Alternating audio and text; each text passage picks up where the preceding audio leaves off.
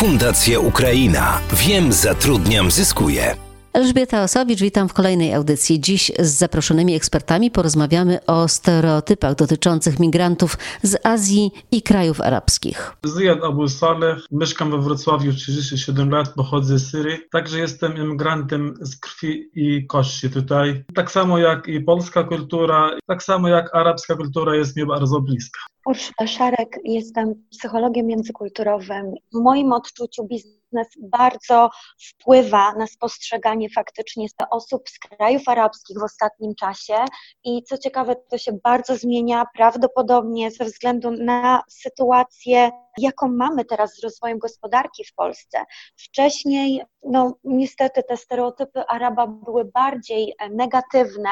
Teraz powiedziałabym, że troszeczkę idą w taką stronę pozytywną.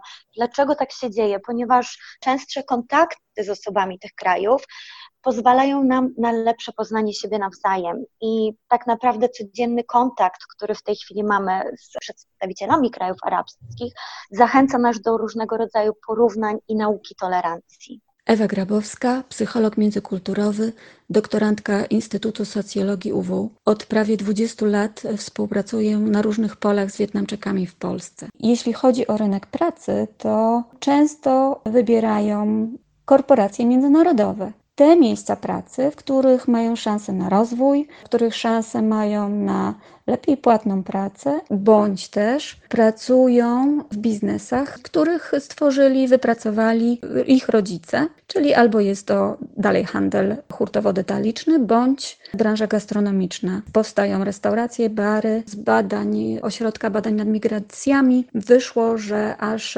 76% y, Wietnamczyków prowadzi działalność gospodarczą. Konrad Mędziwiat, Uniwersytet Ekonomiczny w Krakowie, gdzie prowadzę Obserwatorium Wielokulturowości i Migracji oraz współpracownik Ośrodka Badań nad Migracjami Uniwersytetu Warszawskiego. Mnóstwo badań nam pokazuje, iż e, pomimo wzrostu dynamiki procesów migracyjnych, przynajmniej do końca marca 2020, kiedy nagle e, globalizacja i mobilność nam się znacząco zatrzymała, mieliśmy do czynienia z, z wzrostem tych kontaktów, ale pomimo wzrostu tych kontaktów, trzy czwarte ponad nawet Polaków nie ma kontaktu w ogóle z, z osobami z Bliskiego Wschodu, Afryki Północnej, więc e, to, co oni myślą na temat w jaki sposób postrzegają tych innych jest e, nade wszystko zapośredniczone przez media. No i tutaj prawdą jest to, że w ostatnim czasie, bo jeszcze w czasie wyborów samorządowych pamiętamy, jak e, to dopiero teraz nawet sąd o tym zawyrokował,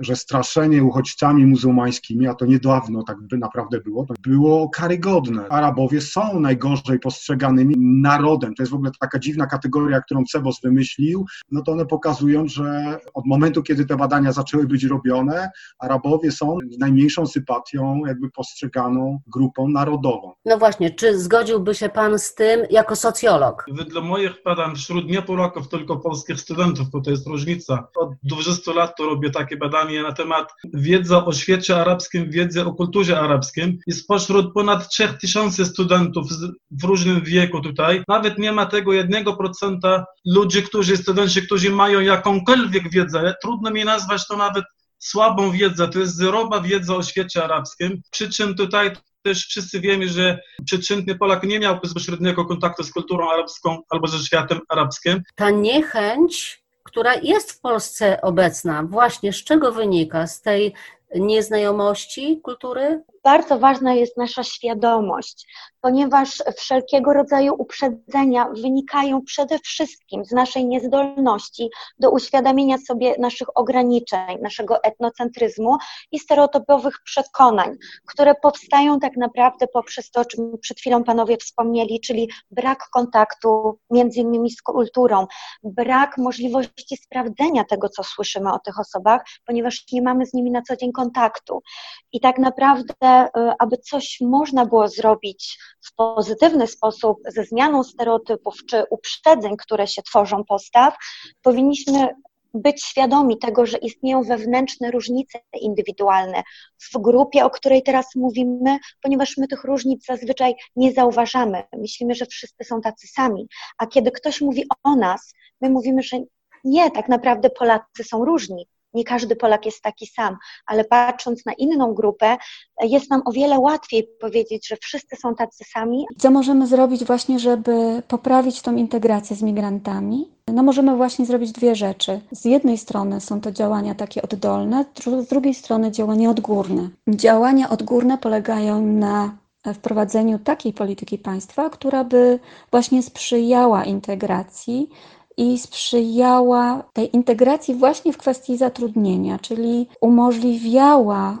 łatwiejsze zatrudnienie obcokrajowców e, w przedsiębiorstwach, w firmach. Ważne jest to, żeby każdy z nas robił pewne drobne rzeczy. Tymi drobnymi rzeczami jest chociażby życzliwość, wyrozumiałość, nie tylko w stosunku do każdego z nas osobiście, ale tutaj też możemy mówić o wyrozumiałości w stosunku do pracodawcy i w stosunku do pracownika, bo cudzoziemcy niestety nie wiedzą wszystkiego. Cudzoziemcy mają odmienną kulturę, mówię tu o Wietnamczykach, jest to odmienna kultura, która przez co trudno tak naprawdę jest się odnaleźć czasami Wietnamczykowi w zawiłościach formalno-prawnych Polski. Wydaje mi się, że polskie społeczeństwo z jednej strony jest bardzo otwarte na pewną nowość i na przykład w porównaniu do społeczeństw zachodnich gościnne. W wielu aspektach polskie społeczeństwo